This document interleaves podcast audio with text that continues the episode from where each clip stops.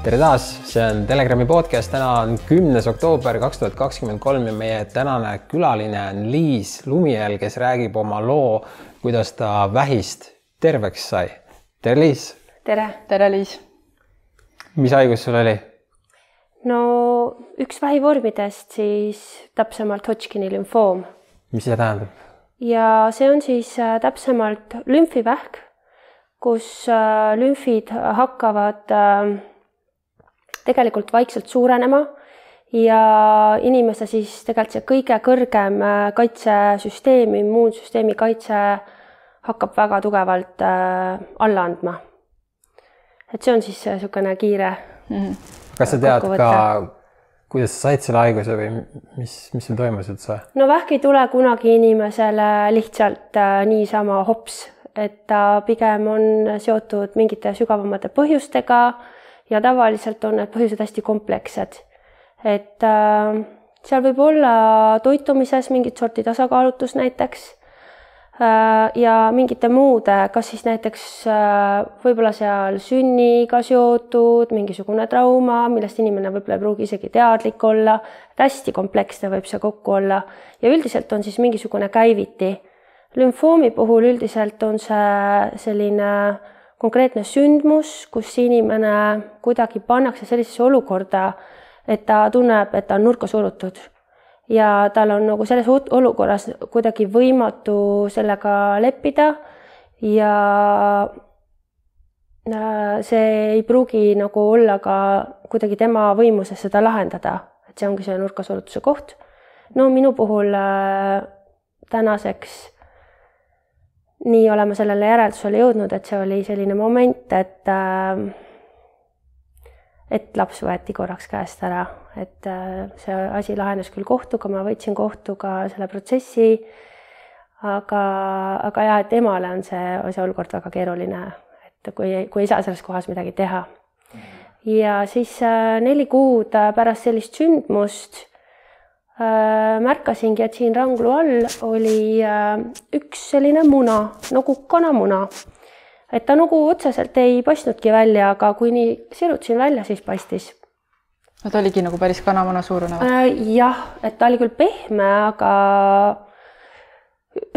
üldjoontes mul on ka harjumus mitte üle mõelda, et vaatan, jälgin, et ei hakka kohe mõtlema, et mis nüüd see maailma kõige hullem asi siin nüüd toimuda võiks.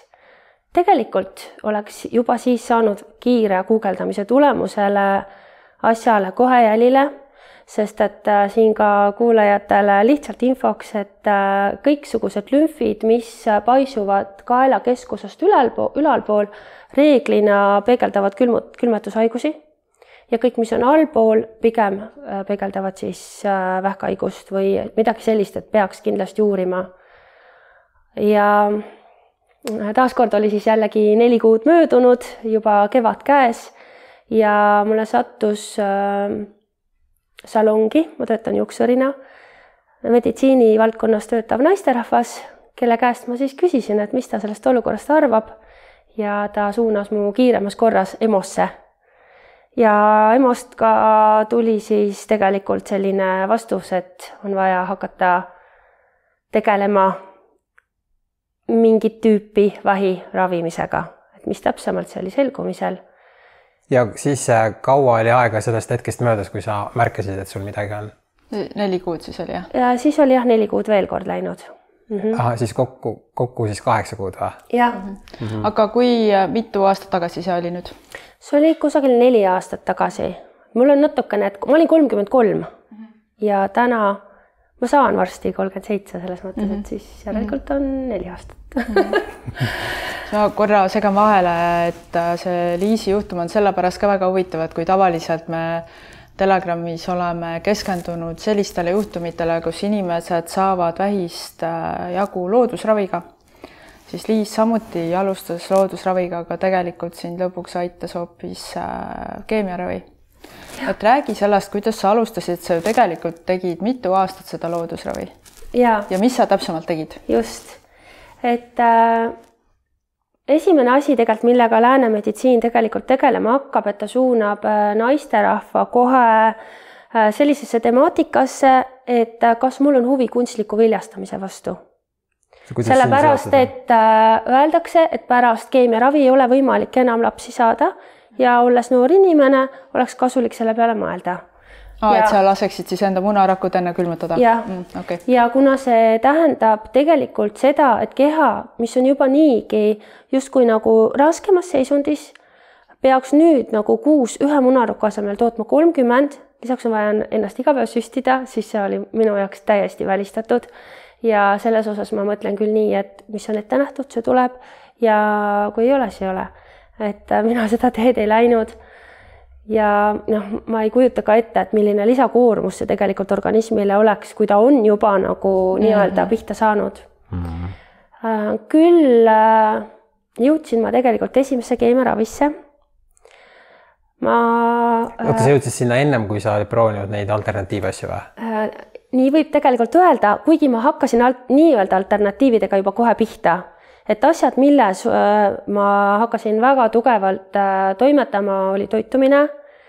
ajasin ennast väga nagu selgelt kurssi, mis asjad on äh, toidus need, mis on kindlasti vaja vältida, nisud, suhkrud, eks ju, ennekõike piimatooted ja et kõik oleks võimalikult puhas. keha happelisus on põhiliselt vaja saada minimaalselt, minimaalseks ja noh, neid, see temaatika on väga lai kuid siiski äh, jõudsin ka esimesele keemiaravile. ja tegin ta läbi, üks nädalavahetus oli väga halb olla, aga sain aru, et see on täiesti tehtav, kuid see ei ole minu jaoks vajalik. oli siis minu järeldus mm. -hmm. et see ei ole midagi nagu ületamatut, aga ma olin lugenud nii palju erinevaid äh, artikleid äh,, mul on ka sõprusringkond sellesuunaline et äh, ikka pigem öeldi niipidi, et, et, et ega sellega nüüd nii kiire ka ei ole. ja noh, asjad, mida ma näiteks tegin äh,, lugesin äh, kolmesaja leheküljelise teose vitamiinist nimega B seitseteist aprikoosiseemned, arvutasin välja, et viiskümmend aprikoosiseemet on võimeline võitlema vähi vastu ja tarvitasin neid regulaarselt sain ka paar korda aprikoosiseemnemürgituse. tõesti oli kehv olla neli tundi, aga kiirabi ka ei kutsunud, sest see oleks veel hullem olnud, kuna mooloputust ei soovi ja elasin selle lihtsalt aga, üle. aga kui sa seda keemiaravi tegid selle ühe korra, kas sa tundsid, et pärast seda sul läks paremaks?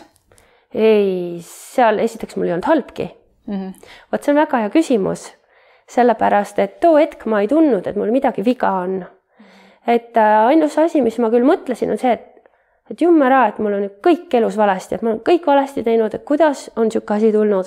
ja siis ma hakkasin järk-järgult vaatama, et äh, mis äh, ikkagi tegelikult on õigesti.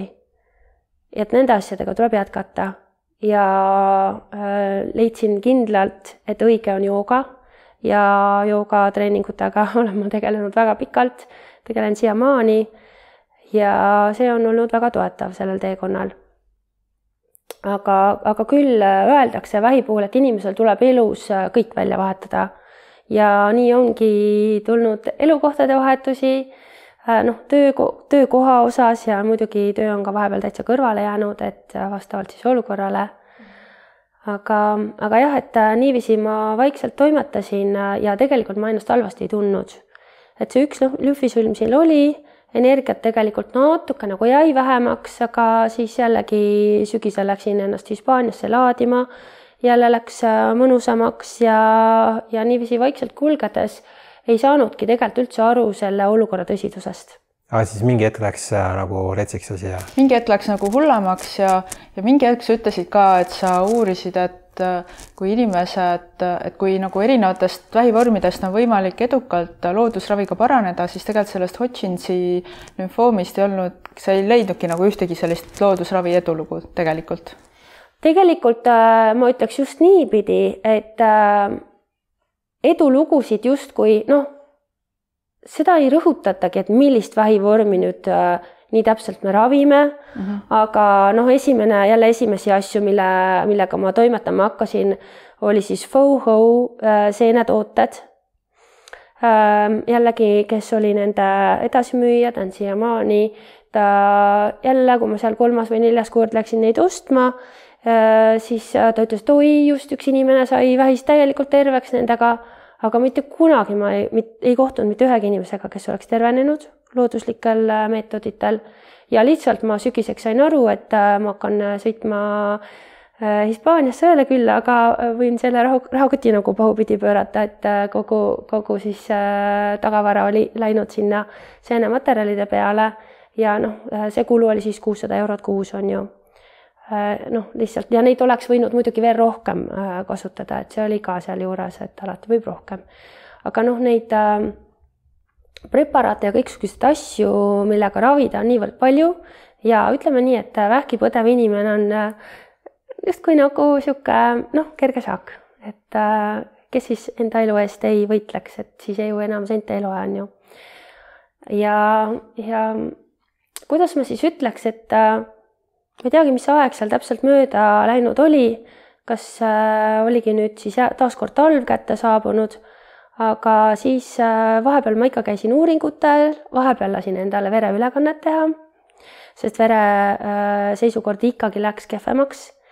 Ja justkui olingi üks hetk autoga tööle sõitmas ja arst siis helistas ja teavitas, et nüüd on tegu juba äh, Äh, neljanda astmega. Ma alustasin teise astmega, et seda ma ei äh, teavitanud ja ütle, tõi, tõi nagu esile sellised väga hullud äh, näitajad juba, et on liikunud sinna ja tänna ja kolmandasse, siis ma telefonis olin hästi viisakas, et jahah mm, -hmm, jah, okei. Okay.. ja kui jõudsin tööle, panin esimesele kliendile värvi pähe, siis minestasin tegelikult ära, läksin taha ruumi ja pilt läks taskusse, et ikkagi see info nagu jõudis niiviisi väga järsult kohale. Et päris äh, võib küll hoida ennast niimoodi hästi tugevana ja, ja käid ja tead ja teed, aga päris niimoodi puutumatu ikka paistab, et ei ole võimalik olla, et, et ikkagi saab nagu pihta. mis aeg see oli siis, kaua sa olid nüüd selle kogu asjaga tegelenud? ilmselt kaks aastat mm -hmm. oli siis see aeg olnud. ja neljas tase on nüüd see mingi viimane? neljas aste on viimane aste. järgmine on juba surm või? Äh, järgmine surm aga sa kogu aeg liikusid ringi, kõik oli. aga ma selle neljanda astmega toimetasin veel poolteist aastat mm. -hmm. Ah, väga rets. ja, et äh, selles mõttes ma ütleks, et alternatiivil on siiski toime. lihtsalt mu menüü tõmbus lõpuks nii kokku, et äh,, et äh,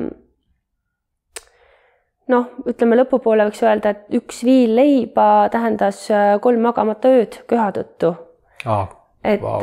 See ei olnud mingi katsetamine, vaid see oli väga-väga kindel liikumine ja teadmine, et köögiviljad on okei okay,, kala on okei okay,, aga ülejäänud juba vaatame vaikselt mm. -hmm. et äh, reaktsioonid, kehalised reaktsioonid olid väga tugevad mm. -hmm. ja me teeme, sorry, me nii. teeme siin väikse pausi, sest mm -hmm. et äh, meil on vaja teha siin paus.